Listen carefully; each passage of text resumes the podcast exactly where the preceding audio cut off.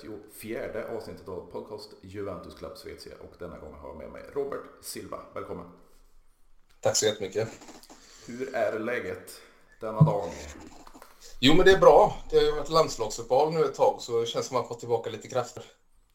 Ja precis, vi, vi, vi har haft uppehåll på nästan, vad blir det, två veckor. Så nu, nu, nu är vi tillbaka i, i ligaspel snart här till helgen och, och ja, det har ju varit lite si och så med vårt Juventus, men eh, jag tänkte börja med varför blev det Juventus för din del?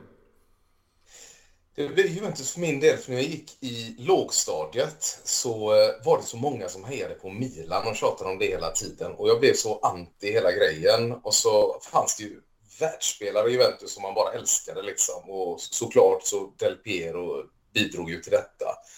Eh, och när man såg honom spela fotboll då var det en fröjd för ögat och alla frisparksmål och nej, det, det, fanns bara ett lag då. Och så älskade jag ju färgerna. Mm. Och samtidigt så gillar jag bakgrunden också, att det fanns en anrik historia, att det var liksom italienskt ägt via familjen långt tillbaka och på den vägen var det. Ja, det låter ju inte som en dum väg in i, i, i våran fantastiska klubb. Det, var, det är ju liknande för mig. Jag är ju eh, Del Piero som fick in mig på, på, på denna fina klubb. Mm. Men eh, ja, vi har ju lite mörkare tid just nu. Sju ligaomgångar in och, och, och diverse Champions League-matcher. Vad, vad, vad, tycker du om säsongsinledningen? Ja, men den har väl lämnat ganska mycket att eh, önska. Eh, väldigt, väldigt trevande hela, hela spelidén och eh, skadeläget katastrofalt. Eh, var också ganska missnöjd tycker jag med, med, med truppen vi fick ihop till slut. för med tanke på vilken tränare vi har så tänker jag att vi skulle byggt mer i försvarslinjen än vad vi gjorde. Mm. Och den lämnade vi nästan helt och hållet. Det var ju bara Bremer som kom in där i princip. Mm. Så att, eh, nej, jag, jag, hade en dålig känsla redan från början. För jag tänkte oavsett vad vi skaffar framåt så kommer vi läcka bakåt. Eh, I och med att försvarsspelet har varit Allegris adelsmärke.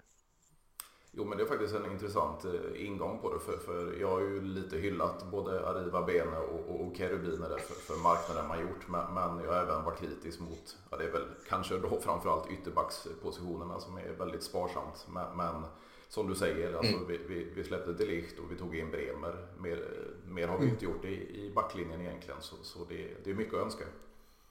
Ja, det är mycket att önska och, och, jag menar Bremer är en fantastisk spelare och, och, han känns faktiskt, tycker jag, stundtals mer slipad och bättre anpassad för Serie A än Delicht i många avseenden. Eh, men samtidigt så har vi liksom en, en åldrande backlinje i övrigt. Liksom. Bonucci tycker jag har varit en säkerhetsrisk i flera säsonger och jag hade gärna sett att man hade spelat in Gatti där bredvid Bremer istället för att det är mer framtidstänk. Men då går ju kaptensbilden framför på något sätt för Allegri här och han litar ju mycket på Bonucci.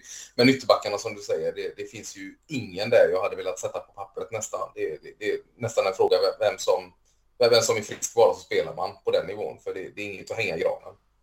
Nej, definitivt inte. Och, och det, det talas ju en hel del om ytterbackar tidigt i somras. Vi tog ju in Andrea Cambiasso som vi visserligen lånade ut direkt, men, men det var ju en hel del ytterbackar som var på, på ingång, men ingenting hände där. Nu talas det ju igen då inför för januari. Det är ju eh, Ben Sebaini i Borussia Mönchengladbach, det är Alex Grimaldo i Benfica bland annat och sen har vi ju då en Dicka i, i Frankfurt som mittback. Så, så det är väl en, en, mm. fas man, man, gjorde i somras att man, man tog in ja, stjärnor på Bosman, Pogba, eh, Di Maria och så vidare och sen gjorde sig av med lite dödkött och så satsar man på, på mm. försvaret i januari och nästa sommar men, men eh, det kan ju vara för sent. Ja, men precis, för jag känner någonstans att nu hamnar vi efter lite och eh, i januari ska man komma ihåg också, det är inte lätt att få spelare i januari. Det, det är liksom lag inte vilja att släppa vem som helst eh, och tittar vi på andra, spel, andra lags eh, bänkspelare så är det klart att de kan vilja släppa dem. Mm. Men det är ju inte Juventus-nivå på det. Liksom. Vi, vi, vill ju ha liksom bättre än så. Eh, och då ska det finnas någon, för Grimaldo till exempel, då skulle Benfica vara villiga att släppa en startspelare mm. till Juventus och det kan ju kosta ganska mycket helt plötsligt. Så att, eh, att inte vi eh, gjorde detta bättre på försvarsfronten nu under transfermarknaden kommer nog stå oss dyrt tror jag.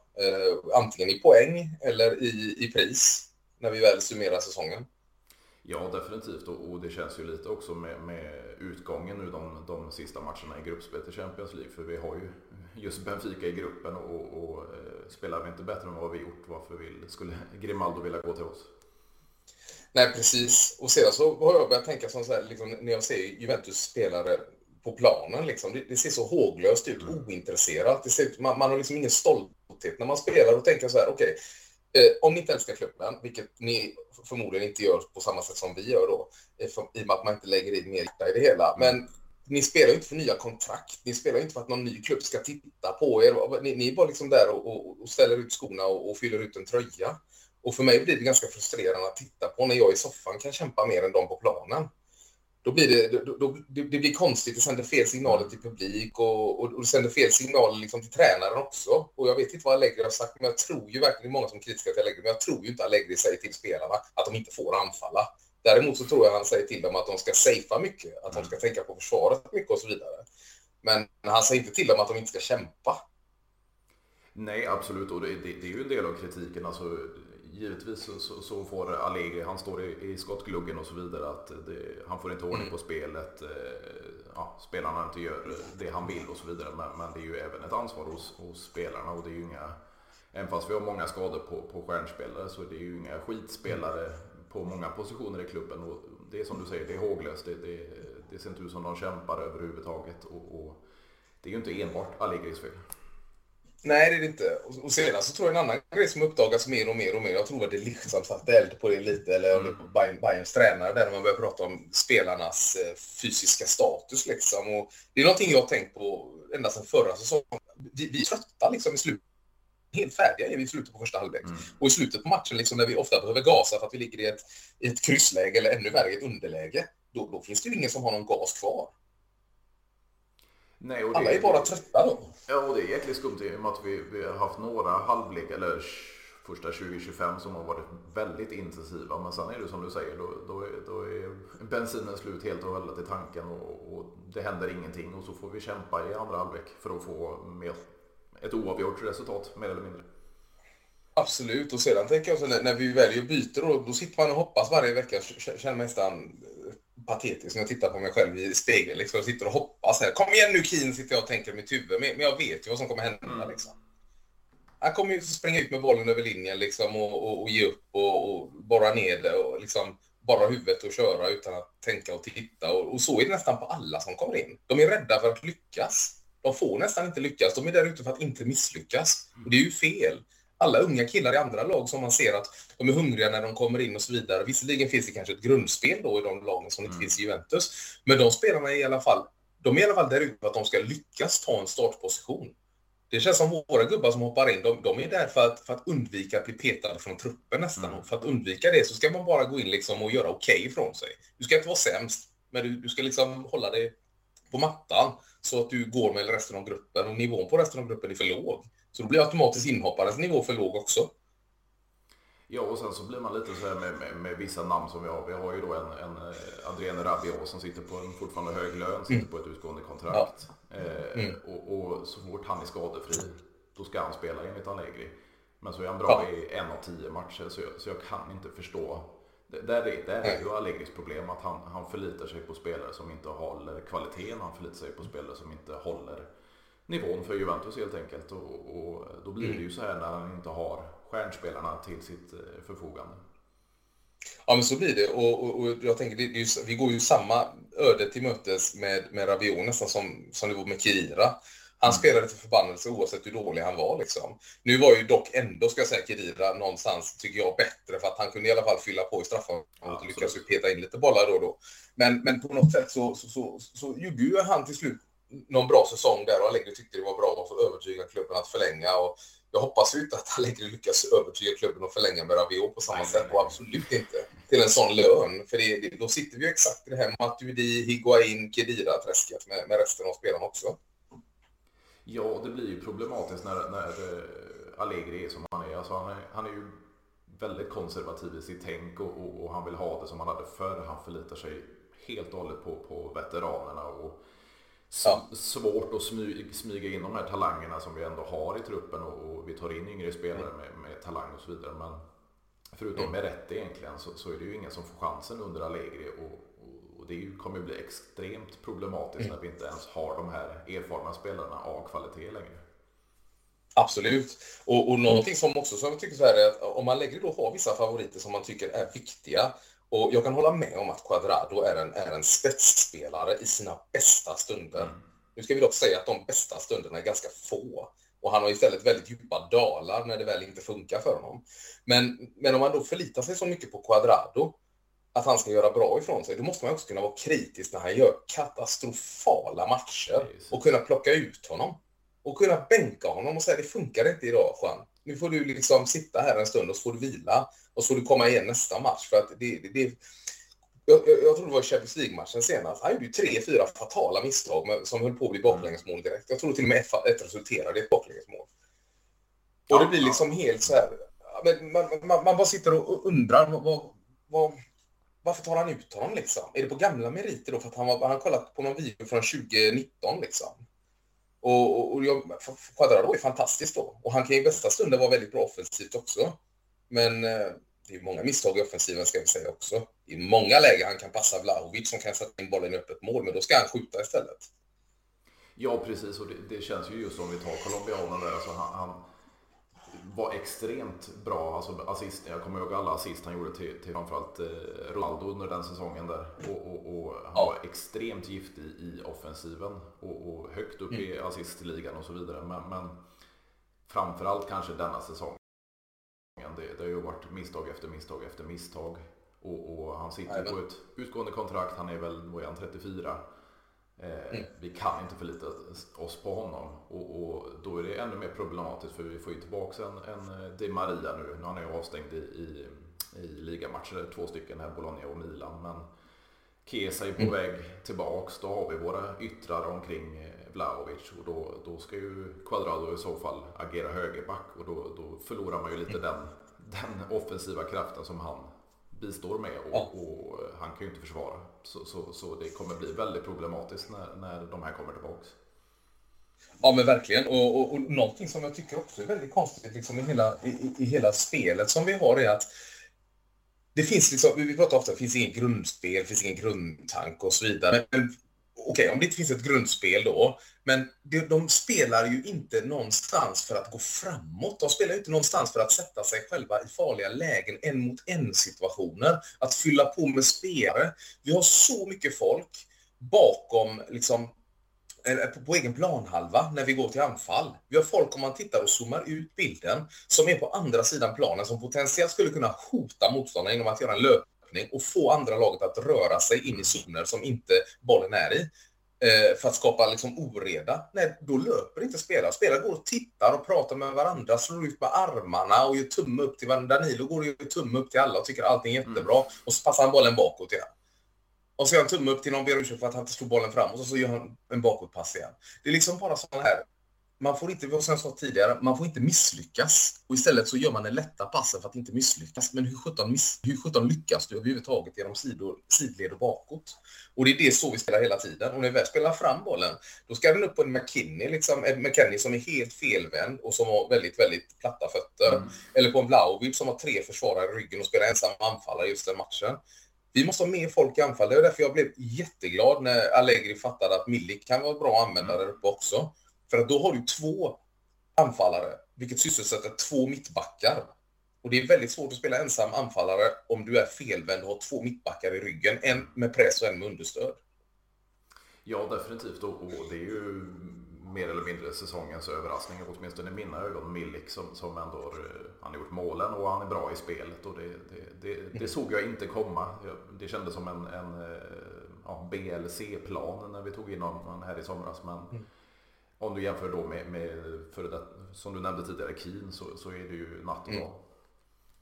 Ja men absolut, varje gång som sagt jag ser Keen på sidlinjen där tänker jag att det hade varit, roligare liksom att se Kajo George med, kryck, mm. med kryckor nästan. För det, det, det jag, jag, vet inte, det, det, det, funkar inte med Keen någonstans. Och det vi hade med Keen innan Keen valde att gå från Juventus eh, var ju liksom en spelare som var på väg upp med jättehögt marknadsvärde, italiensk italienare, egen produkt. Om du minns den tiden när han hoppade in sista kvarten eller någonting.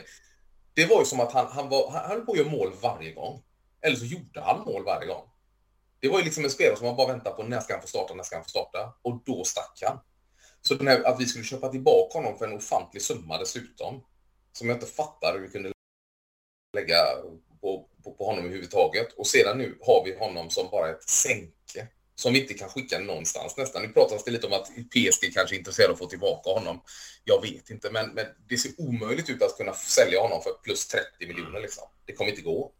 Nej, alltså han sänker ju sitt marknadsvärde för varje sekund han gör på, på fotbollsplanen. Och, och det är ju som du är inne på där, alltså, både för oss och för landslaget så var han ju ruggigt bra sista säsongen innan han mm. stack till Everton. Ja. Och sen den här, vad blev det, en och en halv? Det var väl att han var i Everton, gick till PSG och sen kom mm. tillbaka ett halvår eller sådär. Så, så, ja. Och vem gör inte mål för, för i det anfallet i, i PSG i Ligue det, det, det, det säger det mesta. Nej. Nej, absolut. absolut. Och då, han hade ändå ganska många matcher han gjorde. Alltså, då är det spel mot ett mål, som du säger, med fem måls skillnad när man summerar matchen. Liksom. Och så är han inte med i protokollet där. Så gjorde han något enstaka mål. Så man kanske är ganska bra. Ja, men han är assisterad liksom, av Neymar som assisteras av Messi nästan. På den nivån. Då är det svårt att misslyckas.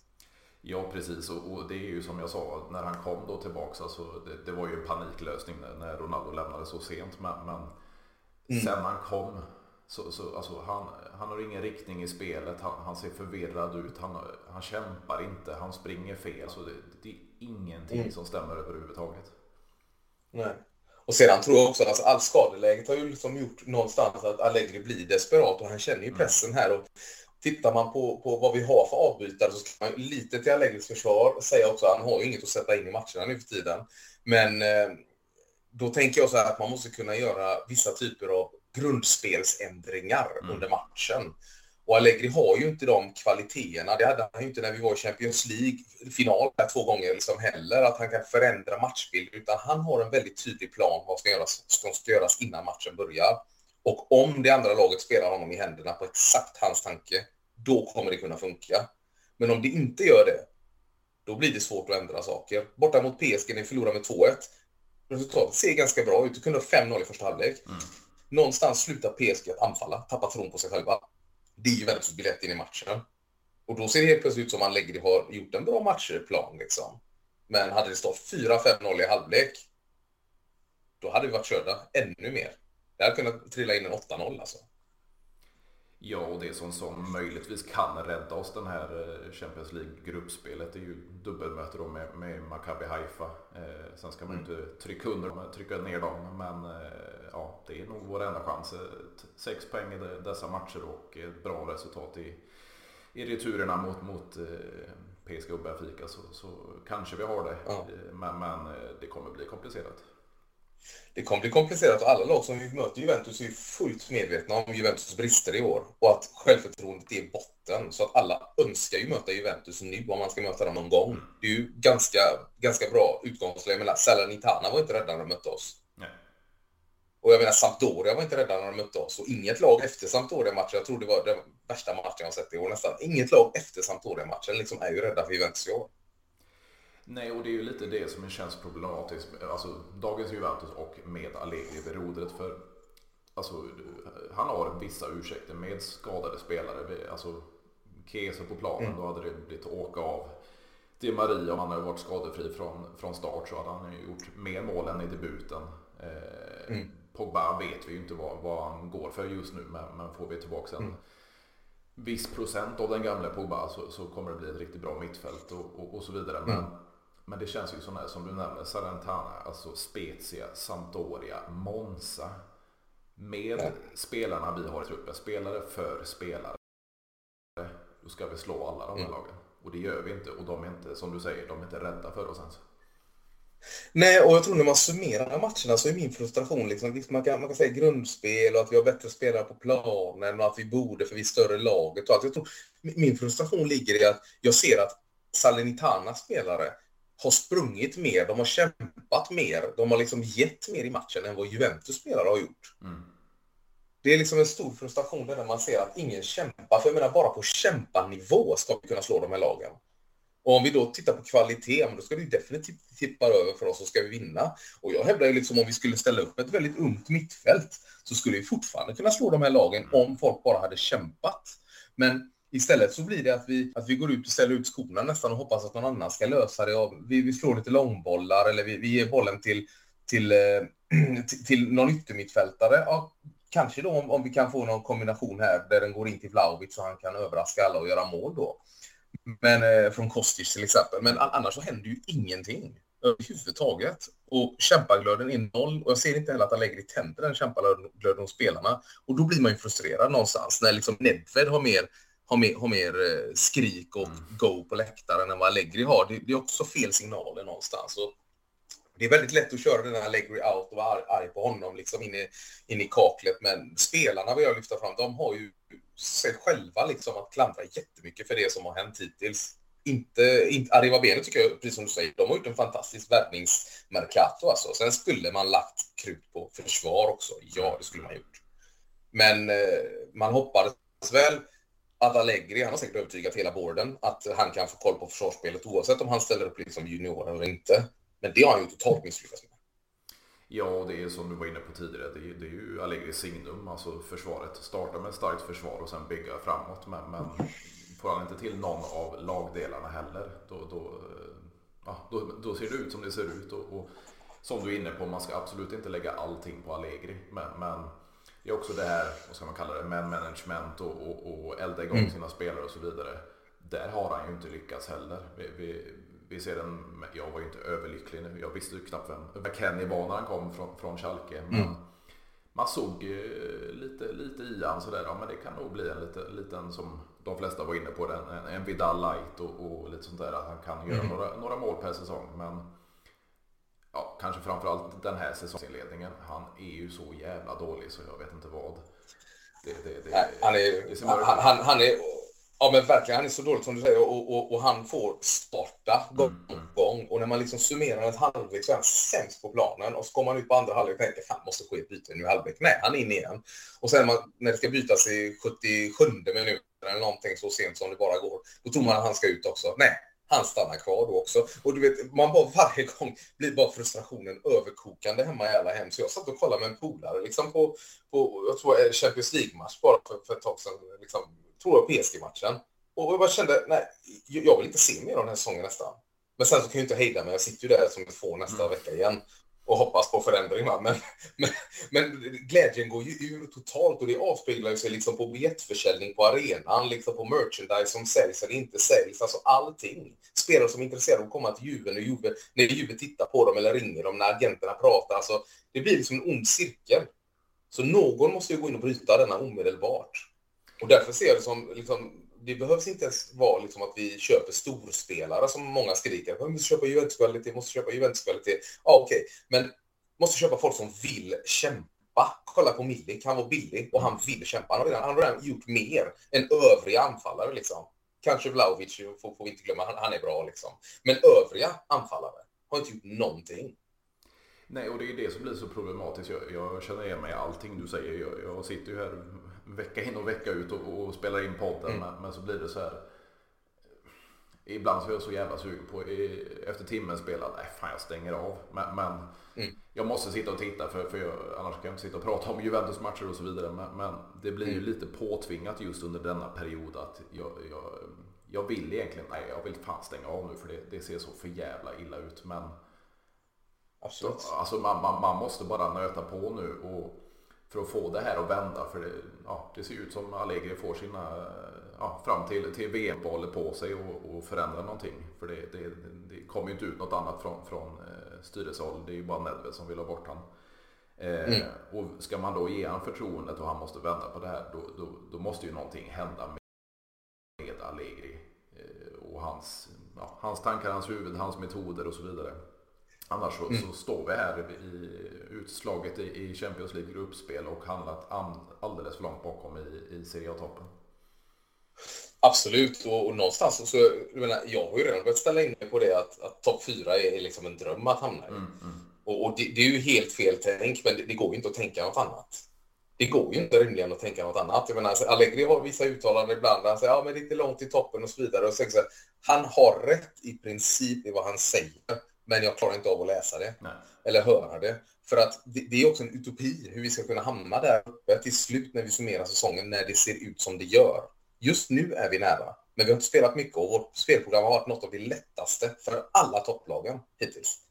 Det skulle liksom vara om vi får någon typ av alltså alla spelare kommer tillbaka och toppresterar och lyfter laget något enormt så att vi gör en grym slutspurt andra halv, halva på säsongen. Men det känns också väldigt långt bort just nu. Ja, och det blir ju lite så här alltså med det här tajta spelschemat för, för vi ska ju ha ett, ett fotbolls-VM då november, december. Eh, mm. och, och, det känns ju som att man, man trycker ju verkligen ihop spelarna nu. Nu tror jag det, jag såg schemat fram till dess, jag tror det var fyra lediga dagar eh, ja. mellan matcherna här och, och, det kommer ju bli extremt tufft även för de som kommer då ska komma tillbaka. Vi ska ju få in en Pogba i spel, vi ska få in en, en Kesa i spel och så vidare. Men man kan ju inte lasta dem direkt med, med alltså Pogba, det var inte länge sedan han opererade sig och Kesa, sådana korsbandsskador ska man ju inte stressa på heller. Så, så Nej, absolut det inte. ser tufft ut. Det ser jättetufft ut och sen tänker jag på det, man säger bara Pogba kommer tillbaka och kommer mm. mittfältet så. Och sen kan jag säga, ja, jag, jag, tror på Pogba när han kommer tillbaka. Om han håller sig frisk så tror jag han kan vara, han, han är ju vår bästa mittfältare. Han och Paredes och, och, och Lucatelli på mitten, det kan ju bli bra liksom. Så är det bara. Men jag tror inte att Di Maria, Pogba, Bonucci, alla de här landslagsspelarna, Danilo, Alexandro kommer ge sitt blod och svett i veckorna innan VM. För det är också väldigt stor skaderisk då. Och då blir jag så här, på spelare som kommer tillbaka från skada som Pogba, hur villig är han att gå in i kaklet, gå in i mm. varje satsning? Om han har minsta lilla känning säger han det jag lägger så börjar han matcha på bänken istället och så står vi med samma lag som vi håller på med nu. Och så hoppar han in sista kvarten och så hoppas vi på ett mirakel. Alltså, vi måste också vara realistiska med att när det är innan VM så är spelare inte lika benägna att ge sitt allt för att man vill ju spela VM. Mm. Då ger man inte sitt allt borta mot Sassuolo liksom, sista kvarten och offrar benen. Det gör man inte. Det gör vi som sitter hemma och tittar. Vi kan göra det. Vi ska inte spela VM. Men de som ska spela VM, de har ett annat tänk liksom. Det finns viktigare matcher då att spela och fler matcher att spela på den stora scenen än den här Sassuolo borta eller vad det kan vara. Kanske till och med ännu grisigare matcher än så. Jo, så att man måste också... Mm. Ja, fortsätt, fortsätt. Nej, man måste vara realistisk när man, när man tänker på de som kommer tillbaka, vad de eventuellt skulle kunna tillföra till truppen och matcherna och laget. För att jag, jag, jag tror inte att det, det är lite Allegri som säger vissa saker, att ni har många skador och så för att, för att ge hopp och vinna tid. Men är man realistisk tittar på det så är det inte som att vi får fem nyförvärv alltså, innan VM. Det är inte så. Nej, och det känns ju lite så här, vad, vad, vad händer efter VM? För om vi tar, ja, kommer på att spela VM. Frankrike kommer säkerligen gå långt. Eh, mm. Vi har Alexandro, vi har Danilo. Vi har potentiellt Bremer då även i, i brasilianska landslaget. Och, och eh, mm. de kommer säkerligen gå långt de också. Eh, mm. Paredes, Argentina, De Maria, Argentina. Så vi, vi har toppspelare egentligen som är i de bästa landslagen så spelar de så länge ja. som möjligt i VM så kommer ju de vara slitna när vi går in i andra delen av, av säsongen också. Mm. Och jag menar, sån spelare som Bonucci som inte har någonting att ge för att han inte ska spela VM. Jag, jag, jag, jag, jag tror att han går på semestermode. Det är den enda hans namn. Det är så jag tänker. Jag tror inte han håller igen för att han spelar VM. Han ska inte spela VM. Jag tror det är, det är semestermode på en sån gubbe. Mm. Han behöver liksom rekuperera sig lite. Nu kommer det ett uppehåll. Han ska vara med familjen och sina barn och sin fru. Liksom. Och så. Det, och det är så tråkigt att jag tänka så om vår lagkapten. Men, men, jag tror han är glad för att det kommer ett VM-uppehåll någonstans så han ska liksom kunna vila sig lite. Mm, mm. Och det, det, är ju liksom helt fel för en spelare som Gatti, tänker jag. Han är ju bara hungrig. Han är förbannad på att det kommer ett VM-uppehåll. Han hade velat spela nu. Men Bonucci är ju liksom trött, tänker jag. Han är, liksom, han är så gammal så att han börjar bli luttrad. Han har vunnit så mycket och du vet, det, det, det är inte samma go i honom. Han är glad när det blir semester, när det blir jul och alla sådana uppehåll. Liksom. Ja, det känns problematiskt. Jag, jag lyssnar på eh, Fotbollsmorgon här under, under och, och de var inne på den här diskussionen med, med ja, vi har ett svenskt landslag som inte går så, så jäkla bra just nu och, och eh, mm. då var det en Viktor Lindelöf som, som eh, var skadad, men det är ändå lagkapten mm. och så vidare och han åker på semester när, när Sverige mm. spelar. Alltså en lagkapten mm. för ett landslag, vare sig den är skadad eller inte, så ska den väl vara med i en sån här viktig samling då och så vidare. Och det är ju lite som, som du är inne på med Bonucci där och, och ändå en, en, ledare i italienska landslaget. Nu spelar man inte VM, men, men, man ska väl brinna för det i vilket fall som helst. Alltså att gå in för 110 procent nu innan VM och sen så kanske man möjligtvis vilar upp sig lite men ändå går in hårt i träning under VM och sen eh, kör man andra halvan av säsongen. Mm. Absolut, och det är det här goet jag känner som inte finns i våra spelare tyvärr. Eh, det goet som jag ser i Perin när han hoppar in liksom, och gör bra ifrån sig. Han är ju glad att han fick spela. Han tänker äntligen min tur, nu kör vi här liksom. Och han har inget att förlora heller och han är ju en klassmålvakt. Så är det ju bara. Han är jättebra. Han är liksom bästa andra målvakten i Serie A by mile. Men han får ju aldrig chansen. Men när han väl hoppar in då, då gör han det fantastiskt bra. Och då tänker jag så här, varför kan inte alla våra inhoppare eller alla våra avbytare ha samma känsla? Men alla andra är ju rädda för att misslyckas. Det är det jag menar, när, när vi har liksom folk som hoppar in, ta Ake till exempel innan han skadar sig. Han, han körde ju full fart då, i, i, i, på, i försäsongen liksom och satsade som fasen och allting. Och så var det någon match som blev lite viktig och då började han backa av lite grann eller om han fick instruktion att han skulle anfalla så mycket. Vi hade dessutom någon, någon ung spelare i anfallet som var med där. Jag vet inte om det var Dagrassa eller vem det var mm. som, som var helt... Det var, de var ju heta, de ville ju någonting. Men när vi väl kommer till seriespelet, då Sole, alla sådana spelare får liksom inte chansen. Och om de väl ska spela så är det handbromsen på liksom. Och håll din gubbe, håll din gubbe, tappa inte bort din gubbe liksom. Täck den ytan bakom där. Se till att du hjälper din kompis så att ni är två när de anfaller. Fem man bakom bollen på den sidan. Det är hela tiden sånt säkerhetstänk som gör att man liksom spelar med med massa, massa livremmar som håller tillbaka dig nästan så du kan inte komma, komma fram i banan när du ska anfalla. Nej, och det har ju varit samma diskussion kring, kring Meretti. Jag har tagit upp det i diverse avsnitt sen. En, Allegri bara gnäller och klagar på Meretti och han var bäst på plan. Så då, då undrar man ju vad Allegri ser för någonting. Mm. Någonstans så tror jag att han är liksom sån här. Eh, han, han tänker nog att han gör Miretti en tjänst. Han går ut i media liksom och, och, och och, liksom snacka ner honom för att hålla ner förväntningarna på honom och allting medan vi då sitter hemma och så blir vi liksom frustrerade för att han snackar skit om Miretti, det enda som kämpar, det enda som är bra. Jag tror han har någon tanke om att det skulle kunna gynna honom i längden. Att inte saker stiger honom mot huvudet, att han inte får för mycket, för mycket press på sina axlar i och med att han är så ung. Och jag, jag tror det är så han tänker. Men, men det, det blir också någonstans komiskt när den enda spelaren som faktiskt spelar bra fotboll få, få liksom eh, kommentarer kring sig. Jag hade gärna velat att han gick in istället och, och kommenterade kanske ja, men hur Bonucci försvarar mm. när han har händerna bakom ryggen och sticker fram rumpan varje match. Eller Quadrado som slår sidledspassningar som går liksom till anfallande anfallare. Eller liksom anfallare som på våran sida, Blauwich väldigt mycket offside. Eh, liksom när bollen är 40 meter ifrån för att någon tjongar. Eh, kan också vara väldigt lätt att gå på rätt sida där av Blauwich. Liksom. Men, men det kom aldrig någon sån kritik överhuvudtaget mot någon annan spelare som borde veta bättre. Mm. Istället ger han sig på den yngste, mest lovande. Då. Men jag tror det är hans sätt att skydda honom på något konstigt sätt. Och jag kommer aldrig fatta det sättet, för så hade inte Pirlo gjort. Nej, definitivt inte. Och, och, jag tycker det är ganska intressant där också. Du var inne på det själv med, med Delicht då, alltså hur han uttalar sig om Juventus och Nagelsmann då med träning och så mm. vidare. Mm. Vi har ju även en, en Artur som får spela med Liverpools U21 lag för att han inte är i form och inte tränat ordentligt. Vi har en eh, Zakaria då som inte riktigt fick chansen. Alltså dryga halvåret i klubben och så, så skickar man han till Chelsea. Eh, vi, vi, har en Kulusevski som uttalade sig nyligen också hur, vad som gick fel i, i, i Juventus och hur han trivs bättre i, i London och, och Tottenham. Men, men vad, vad, tror du det här beror på? För det, det, det, är ju inte en spelare utan det är ju flera spelare både med, med träning och med, med uttalanden och hur det går till i Juventus numera. Mm. Ja, men jag, tror, jag tror någonstans att, att, eh, att, att det har gått upp ljus för, för Juventus ledning. De har nog diskuterat detta internt. Att i, i, har vi för dåliga träningsmetoder, är för dåligt förberedda när säsongen börjar och så vidare. Och, och, och, och jag tror ju att detta någonstans är någon typ av nedgång som också Bonucci har. Nu lägger jag mycket på Bonucci, men jag tror ju att Allegri pratar mycket med Bonucci. Och jag tror när han, när han kollar av med sina spelare, för Allegri är ju inte ute liksom och vet hur mycket, hur mycket de har sprungit, liksom, hur trötta de är eller vilken syrenivå de håller eller så på det sättet. Han har ett staff som har koll på det. Mm. Men om man frågar Bonucci om det är bra intensitet på träningen och Bonucci svarar ja. Det är inte som att Bonucci har bättre koll på det idag än vad han hade för fem år sedan. Han är ju tröttare idag. Han tycker det är jobbigare idag liksom. Och, och, samma med Quadrado och alla de här spelarna. Jag menar, när vi startade en match, Zacharias första match, han var ju överallt på planen. Det känns som att han kunde springa hur länge som helst. Men nu är han ju inte lika mycket och springer liksom i slutet, sluttampen när han var i Juventus. var inte lika mycket och sprang. Han kändes ju tröttare. Di Maria kom jätte, jättego och ville anfalla och så vidare. Han känns ju också helt plötsligt som att när han kom tillbaka, man rushar honom tillbaka och så vidare. Han har liksom fallit in i det här söndagslunken som jag kallar det när vi stod och spelade sidledsfotboll i Serie A. Liksom. Paredes är bara en tidsfråga innan han börjar agera på samma sätt också. Så det är något virus i liksom själva klubben här som är något soft soft-tänk som gör att man inte springer och kämpar.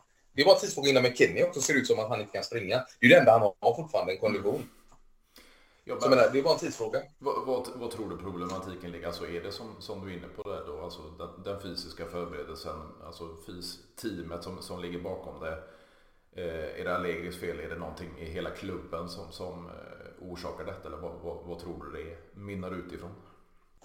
Jag tror att när man, när, när, jag, tror när, när, vi har kollat slutstatistiken i många matcher så har vi sprungit mindre än motståndarna. Mm. Och det har jag problem att fatta hur vi kan, hur vi kan ha gjort. Liksom. Det enda, enda sättet att tänka att vi har sprungit mindre är för att vi inte orkar springa. Och för att vi låter dem ha bollen och styra spelet. Men, men, men någonstans handlar det om att vi måste vila också vi orkar ju inte gå till anfall. Vi orkar ju inte stå emot press från liksom smålag som springer. Vi orkar inte jaga dem. Så jag tror att det är det fysiska. Jag tror det är fysteamet på något sätt som är för dåligt. Jag tror Allegri eldar på detta för lite. Och när han märker att spelarna blir trötta så börjar han inte ifrågasätta att de är trötta. Han ifrågasätter istället positionsspelet då. Eller han ifrågasätter varför vi inte liksom har tillräckligt med folk hemma för att kunna försvara bättre. Varför vi inte rensar undan där eller så. När man istället kan härleda det till att hade vi haft lite bättre kondition så hade vi orkat springa den extra metern och täckt den ytan. Jag tror det är fysiska statusen på laget som är för dålig. Och, och ja, vad ska man säga, beskyller du Allegris team? För det är ju ändå så när en tränare eh, träder in på en, på en post så tar de ju oftast med sig hela sitt team och, och, vi såg ju absolut inte det här under Antonio Contes år i klubben. Alltså, det, det, det, var ju nästan Retiro var och varannan vecka kändes det som. Alltså de, de, det var ju 110 procent varenda jävla mm. träning. Men, men mm. Och det syntes ju inte under Allegris första session utan det, det, det fungerade ju ganska bra. Sen kom ju de här muskelskadorna och så vidare. Men det var ju inte lika mycket på tapeten under Sarris år, under Pirlos år. Utan det är nu när Allegri och hans team är tillbaka.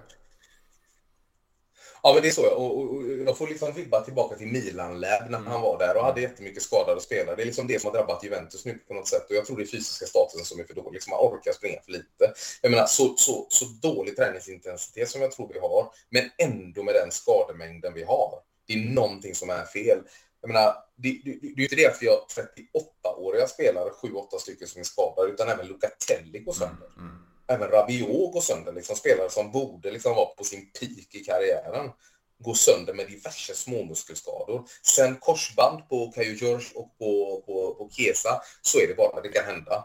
Det är liksom ingenting som man kan lasta. Men när det gäller små muskelskador hit och dit, liksom, det är definitivt tränings, eller träningsmetoderna som är fel. För dåligt förberedda spelare. Pogba likaså liksom. Det är också på en sån grej som är otur, för det är någonting han har ärvt från, från United och haft i många år liksom. Men eh, jag ser ändå som att eh, om, om vi får tillbaka de som har varit långtidsskadade med skador som ändå är okej okay, inom citationstecken mm. så måste det kunna bli bättre. Men det är de här små skadorna på små sträckningar och små ja, känningar och de här abduktorgrejerna man läser hela tiden. Liksom. De måste få koll på det. Och vad, vad i din värld då, alltså ska vi vara fast med Allegri och köra på och byta ut egentligen det, det, det, fysiska teamet då eller ska vi faktiskt byta tränare om det inte det förändrar sig inom de kommande matcherna? Jag tycker det är en svår fråga för när man tittar på pengar, pengarna också så det är det mycket pengar att punga ut för Allegri om hans, han och hans team ska lämna så jag tror det är där skon klämmer. Men, men, men någonstans så, så, så kanske det är det enda rätta att göra också när det inte funkar. För jag, jag tycker någonstans tränare ska veta när de kommer till en storklubb som Juventus, att håller man inte måttet, om man inte får laget att prestera så som laget förväntas, så som klubben förväntas, så hänger man löst. Då kan man inte sitta här och diskutera liksom att det kostar oss 36 miljoner att göra sig av med Allegri och så vidare. För det potentiellt kostar ju mycket mer om vi missar Champions League-spel, om vi åker ut tidigt i Champions League-spel, om vi fortsätter att förlora Champions League-matcher. Varje match vi inte kryssar eller vinner i Champions League går vi back, kammar vi noll kronor. Liksom. Mm. När vi kryssar får vi lite, lite, lite mer och när vi vinner får man mycket mer. Så jag menar, om vi ska fortsätta så här så har vi väldigt mycket pengar att förlora på att vi är kvar i Champions League nu, men åker ut, samt att vi missar Champions League nästa år. Så det kommer kosta oss mycket mer än de pengarna som det har kostat att, att kasta ut Allegri nu och skaffa en ny tränare. Problemet är vem som ska ta över.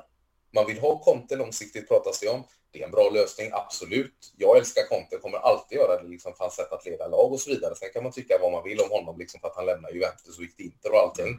Det, det, det var väl en väldigt, väldigt dum grej att göra, även om han såklart vill ta steg i sin karriär liksom också och träna runt lite. Men eh, det är ju i alla fall en tränare som kan prestera, men det kommer kosta att ta Conte och han kan nog inte komma från Tottenham mitt i en säsong. Så han måste ju komma efter säsongen i så fall. Och vad kostar det? Conte är inte gratis heller. Här kommer Italiens bästa tränare till Juventus. Han ska ha pengar för det. Han dessutom vad Allegri tjänar. Och han vet att Juventus är desperata. Han kommer inte vara dum. Nej, och det känns ju fortfarande som det är den, alltså den här ekonomiska situationen som, som klubben befinner sig i. Alltså vi har haft extremt tunga, tunga pandemiår.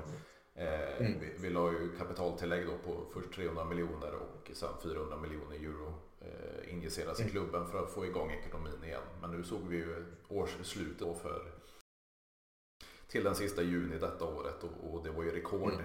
rekordförlust för en eh, italiensk klubb. Så, så, det ekonomiska läget är ansträngt. Sen kommer man ju bli av med, med spelare då på höga löner. Det är Alexander och det är Rabiot, det är Quadrado och så vidare som man även nu släppte i somras då med, med Dybala och Bernadescu och så vidare. Så, så, och Ramsey kanske framförallt. Så, så ja. pengarna kommer ju det kommer stabiliseras men, men, som du säger, får vi inte resultat i Champions League då har vi ju egentligen bara deltagande pengen eller vad man ska kalla det. Eh, du får inga poäng eller mer pengar för vinster eller eh, gå vidare till slutspel och sen så tappar du den här market pool som, som tillhör de olika respektive mm. länderna eller ligorna då. Men, men tappar vi redan nu att vi åker ur redan i gruppspelet då är det extrema pengar vi blir utan och får vi dessutom inte en topp 4-plats i Serie A mm. då blir det ingen Champions League överhuvudtaget nästa säsong. Så, så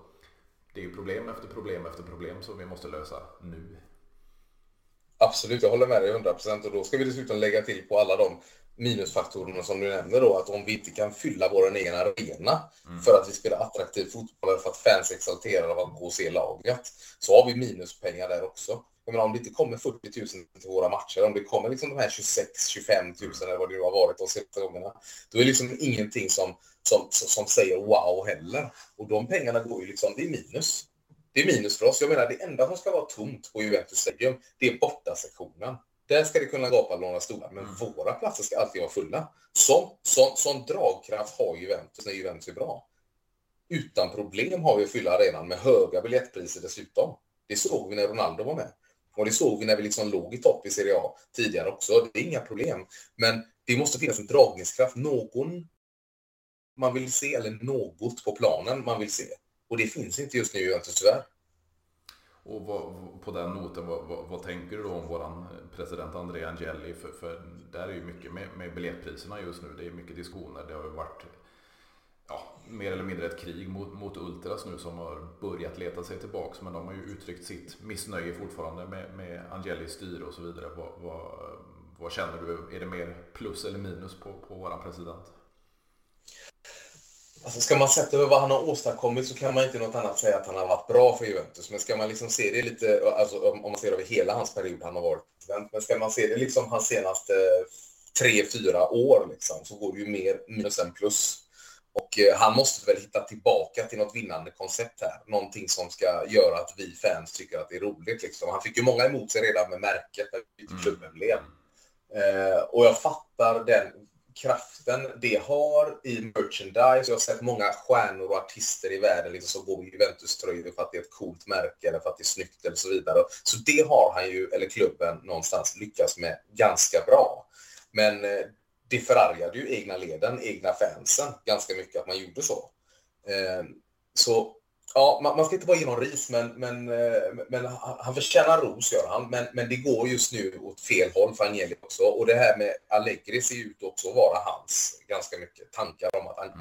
att Allegri skulle komma tillbaka och att Allegri skulle lyckas lösa detta. Och där är vi ju inte just nu. Så att eh, många skriker på, på, på Angelis avgång och så vidare. Jag, tyck, jag, jag tycker det, det, det, är lite så här, vi, vi, kan inte bara kasta ut alla liksom, som inte ser ut att bry sig på läktaren heller. För att såklart bryr de sig. såklart bryr han sig. Liksom. Lapoel kan bry sig också. Det är bara det att Lapo är lite mer ute mm. och säger lite mer saker än vad Agnelli gör. Och han är liksom en gubbe som brinner mer för klubben utåt än Agnelli. Men, eh, men vi kan inte kasta på vår president och säga honom och säga nej, det räcker nu. Utan det, det, det är framförallt team management som måste bli bättre här. Det är första steget, tycker jag. Så att man kan börja vinna fotbollsmatcher. Det är vad det handlar om i klippen. Jo, för det känns ju som, alltså, vad ska man kalla det, An Andreas fokus måste återupplivas, eller vad man ska kalla det. För, för alltså, allt han har gjort, vi har ju varit inne på tusen gånger, med, men med arenan, med U23-lag, med ett damlag. Alltså, han bygger upp det här. Sen så kom det här med byta av emblemet. Vi spelar en säsong utan våra klassiska ränder. Alltså, han har gett och tagit, men framförallt gett mm. oss mycket.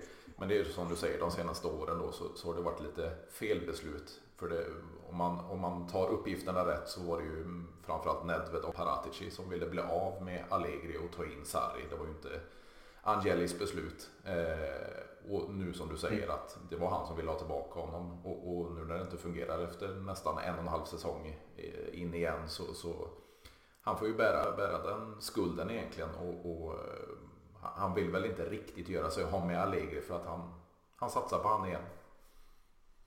Ja, och det, det, kostar ju pengar såklart. Han, han tänker att, att, att vi blöder pengar och så skaffar vi den som vi trodde på och han inte levererar. Och ska vi liksom skicka honom, ska vi blöda ännu mer pengar pengar. Men så som jag ser det i nuläget så tror jag egentligen att om Tudor gick in och skulle vara tränare så hade han åstadkommit ganska mycket mer än Allegri. Mm. Problemet är att det hade kostat oss för mycket. Men fotbollsresultatsmässigt så tror jag att Tudor definitivt hade haft en större förändringschans med denna truppen än vad Allegri har just nu. För det är någon gnista som Allegri inte lyckas tända i spelarna. Och det skrivs mycket att Allegri har förlorat omklädningsrummet och så. Sånt där ska man, tycker inte jag man ska tro på så jättemycket, liksom. Vad som skrivs. Utan det man ska göra istället är att titta hur spelarna agerar på planen när Allegri pratar med dem, eller när han ger instruktioner, eller när han gör förändringar. Och där tycker jag att det ser ut som att de har inte riktigt tilltron på, på lagets kapacitet eller på tränarens kapacitet just nu. Och det som media skriver, jag tror det är många som skriver illa om Juventus, väldigt många som är glada när det går dåligt för Juventus. Det liksom, jag följer väldigt många italienska medier och sidor på Instagram och Twitter och allt vad det är. Och det, det är väldigt mycket napolitanare och milanistas och, och interistas som är väldigt glada när det går så här dåligt för Juventus. Och det läggs upp memes och Allegri out. De skriver själva Allegri out överallt för att Twitter-algoritmen ska kicka in extra mycket för Allegri. Liksom. Det är inte bara Juventus-fans som gör detta. Så att eh, man ska vara lite försiktig tycker jag när det gäller liksom, att, att, tycka till för mycket. Men det är utan tvekan så att han, han ser inte ut att kunna ha någon förändringskraft just nu på laget eller på det lagets insatser. Nej, och det känns ju som, alltså, som jag har varit inne på i flera avsnitt, han har ju mer eller mindre fått spelare som han har pekat på nu till sitt, till sitt lag. Men skadorna har gjort sitt, absolut, det, det kommer vi aldrig undan. Men samtidigt som du säger, han tänder inte gnistan i spelarna. Vi ser ingen klar och tydlig spelidé. Vi, vi, vi ser ingenting av den, den Allegri som vi kanske såg tre, fyra säsonger av, av de fem han gjorde tidigare. Det, det, det, det, det finns ingenting i dagens eh, Allegri och, och, det är det som gör det så jäkla problematiskt i och med att vi befinner oss i både ett resultatmässigt och finansiellt läge som, som eh, ja, ingen vill se när det gäller Juventus. Men jag har varit inne på det hela tiden att det känns ju inte som det kommer ta så lång tid som det tog för, för Inter, det tog för Milan att hitta tillbaks till toppen. Alltså det känns ju som att Juventus vill aktivera det här nu. Alltså två, två raka fjärdeplaceringar i, i ligan, det, det räcker. Nu ska vi upp på toppen. Men så blir det pannkaka av allting. Mm. Nej, men jag tror att vi kommer, vi kommer studsa tillbaka snabbare än, än de andra lagen när de har haft sina kriser. Det tror jag definitivt. Men problemet är ju att vi i Vänstervänster, vi klarar inte av att ha den här dippen för lång tid innan vi blir väldigt kritiska. För vi är väldigt vana att vinna och framförallt väldigt vana att vinna i Italien. Eh, jag menar, Inter kan gå tio år utan någon större framgång någonstans om de vet att de om 30 år kan vinna Champions League. Så funkar inte Juventus riktigt. Även om vi tjatar mycket om att vi vill vinna Champions League så är det liksom inte så att vi är villiga att lägga 30 år i papperskorgen för att vinna Champions League en gång. I alla fall är inte jag det. Vilja att att vara, vara 60 plus nästa gång vi ska vinna Champions League för att jag ska lida mina 30 nästa år. Det funkar inte så, utan vi vill se bra fotboll på helgen. Vi vill vinna, vi vill summera säsongen, vi vill lägga ut bilder på vårt lag och vi vill åka ner till arenan och se bra fotboll och få en tröja liksom. Och det gör vi bara när det går bra för klubben. Vi gör inte det annars. Nej, och det är ju det som är lite problematiskt för, för det har också varit i, i, i flera avsnitt där att vi, vi som Juventino är bortskämda med, som du är inne på, med, med mm. vinsterna och framgångarna och när det går eh, sämre så, så, så, är vi där kritiska direkt och det, det kan jag ju ta personligen själv också. Jag, jag har varit kritisk mot, mot Allegri och, och så vidare men det känns ju hela tiden som att vi, vi nu, nu tar vi oss tillbaks, nu tar vi oss tillbaks och så blir det eh, inte som vi hade tänkt oss och sen så ligger vi där i slutet av säsongen och, och, och eh, mm. ja, det ser problematiskt ut men, men som jag är inne på kan inte ta så lång tid för Juventus med Allegri eller utan Allegri. Nej, och sedan tror jag också att liksom, man måste lita mycket när, när man kollar på, eh, jag förstår italienska till viss del, mm. i och med att jag är portugisisktalande i grunden, så när jag liksom kollar på italiensk tv så kan man se liksom gamla stofiler dyka upp som, som Capello eller Lippi som har lite kommentarer. Man fattar ju liksom deras tankar är ju att man kan inte förvänta sig att Juventus bara ska börja kasta ut tränare och, och direktörer och folk liksom bara hur som helst. Det är inte Lustino Juve, så gör inte Juve liksom. Juve agerar eftertänksamt och långsamt och i stil och linje med, med det man brukar göra. Eh, så man får inte heller förälska sig i när man ser liksom Casano sitta och kritisera Juventus. För jag menar, ingen har större tillfredsställelse än Casano när det går dåligt för, för, för Juventus. Liksom.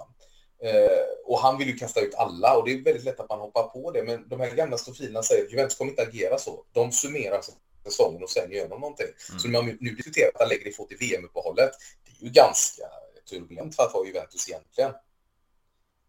Ja, alltså man sparkar ju, jag, sa det senast, man sparkar en tränare mitt under säsongen. Jag för mig det i Chiro Ferrara 2010.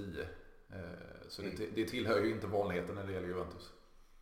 Nej, Nej, nej, nej. Och vi har stått ut med sämre tränare än Allegri. Liksom. Vi hade, herregud, vi, vi, har haft så många. Va? Jag kommer ihåg Luigi Del Neri när han stod där nere med sina glasögon och sitt skägg och jag visste inte vad, vad, vad är detta för något? Är vi Kevo eller vad är det för något? Mm. Och det kändes, det kändes inte alls bra, men han fick ju chans på chans på chans på chans. Vi hade Deschamps också, funkar inte alls. Och så funkar det någon match och så tänkte man vi utvärderar det, låter honom ha kvar. Så, så vi har varit där förut liksom. Vi sparkar inte folk mitt i säsongen. Det är väldigt mycket mer kost, kostsamt. Jag tror att det finns klausuler för varje säsong, att det kostar mindre efter en säsong att sparka någon mitt i säsong. Det kan inte finnas någonting annat. För det finns ingen tränare som skulle självmant lämna. Och när man säger att Allegri borde avgå, vem säger upp sig på sitt jobb? Bara så liksom. Han vantrivs ju inte. Inte ens vi säger upp oss på våra jobb om vi vantrivs. Nej, alltså att... kommer ju aldrig säga upp sig självmant. Det, det finns inte på kartan.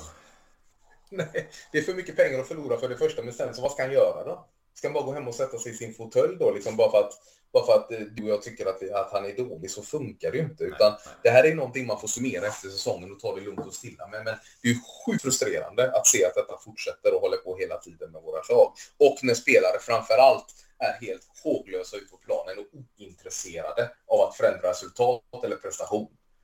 Det finns dessutom inget go i spelarna när vi gör ett byte. Di Maria kom in i någon match för ett tag sedan mot Fiorentina. Han rushades tillbaka lite för tidigt och så vidare. Men mm. ja, ja. När han kommer in då tänker jag att då ska, då ska vissa spelare bara koppla på i huvudet. Just det, nu är Di Maria inne. Nu ska vi köra de kombinationerna. Nu ska vi fylla på för att han, han är anfallare. Han är, han är anfallare liksom. Så att jag kan ge honom understöd och finnas med där. Nej, när Di Maria kommer in då tänker man gött, nu är någon inne som ska dribbla. Nu kanske han löser det. Då står man bara och tittar på 40 meters avstånd och hoppas att han ska lösa det. Och så funkar det inte att spela fotboll i något lag. Det är liksom ett lagspel. Det är väldigt lätt att försvara sig mot ett lag som har en eller två spelare som anfaller. Ja, definitivt. Och, det är ju bristen på, på spelet. Det är ju bristen på en startelva, bristen på en, en satt formation. Det är ju det som, som gör en så fruktansvärt frustrerad. Det är ju inte bara att, att spelarna inte individuellt presterar, utan vi, vi har ju inget satt överhuvudtaget. Inget grundspel. Nej, Nej. och vi har inga mot mot vad ska jag, några anfallsvapen när det väl skiter sig heller. Och att hamna i underläge är någonting vi är väldigt vana vid just nu, fast ändå inte vana. För att vi är vana att vi, det står rätt på resultattavlan där borta, men vi är inte vana utifrån att vi vet hur vi ska agera då, utan det blir bara panik. Det blir panik och den paniken blir passivitet i 40 minuter. Mm, mm. För att i den 43 minuten, när, när, när man verkar att shit, hur många minuter kommer de visa på klockan? De sista åtta minuterna, då är det långbollsfest liksom. Och det funkar inte att köra det överhuvudtaget. Vi har inga som helst strategier när matcherna inte funkar. Inga strategier alls och det tycker jag är oroande. Och det tycker jag att någon borde i ledningen, ifall man ska lasta dem för någonting, kunna vara så pass stark starka i sin övertygelse om att vi måste ha ett spel så man går ner och säger, säger det till Allegri ett krav. Eller går ut kanske till och med i media och gör en liten grej av att det men, men, men där är ju då Stil och Juve som håller tillbaka hela grejen. Att vi kritiserar inte varandra utåt. Men däremot tror jag det hålls jävligt hetska möten inne på träningsanläggningen och på vårt högcenter. Det tror jag. Ja, vi får verkligen hoppas. Det är ju lite som jag översatte Danilos senaste intervju när, när han påstår att det finns kemi mellan spelarna och, och vi gör allt på planen och så vidare. Det, det, det, det är ju snack för, för oss på utsidan, men, men på insidan så tror jag det, det, det är nog skarpare reaktioner och eh, hårdare ord mot varandra. Ja, men det tror jag och det hoppas jag. Liksom. Jag, jag tror det är en sån grej som vi ens hade velat se. Liksom. Vi hade velat veta vad som händer efter en match. Liksom. För jag, jag, jag har ändå spelat fotboll i mitt liv, inte på värsta nivå, men det var ändå på bra nivå. Liksom. Och, och, och, när jag gjorde det, då vet jag, då kunde man liksom sitta och analysera matcherna. Och idag har man teknologin för att gå igenom matcherna, paus, titta på vinklar och så vidare. Det är klart att någon har matchen bara inspelad, till och med med sämsta tv tv-bilderna som finns så kan du se när du är felplacerad och inte presterar. Det är klart de går igenom det. Absolut. Men det hade vi velat höra, det hade vi velat se, vi hade velat veta vad de gör åt sakerna när folk är felplacerade. Och det, det, är det som blir frustrationen tror jag, när vi inte vet att någonting görs, att det inte jobbas på. Ja, definitivt. Och, och det, det, är det som får frustrationen att växa hos oss hela tiden. Eh, mm. Men jag tänkte avslutningsvis, vad, vad, vad, om du får sia lite nu då. Alltså, Allegri har några matcher på sig. Tror du att han, han mm. kan vrida och vända på det och få till ett, ett bättre avslut på den här första halvan? Eller tror du att vi, vi kommer stå med en ny tränare i årsskiftet? Jag tycker att det är så svårt att sia om det på så många sätt. För, för, för nu, nu kommer vi ha, vi kommer ha ett tajt schema.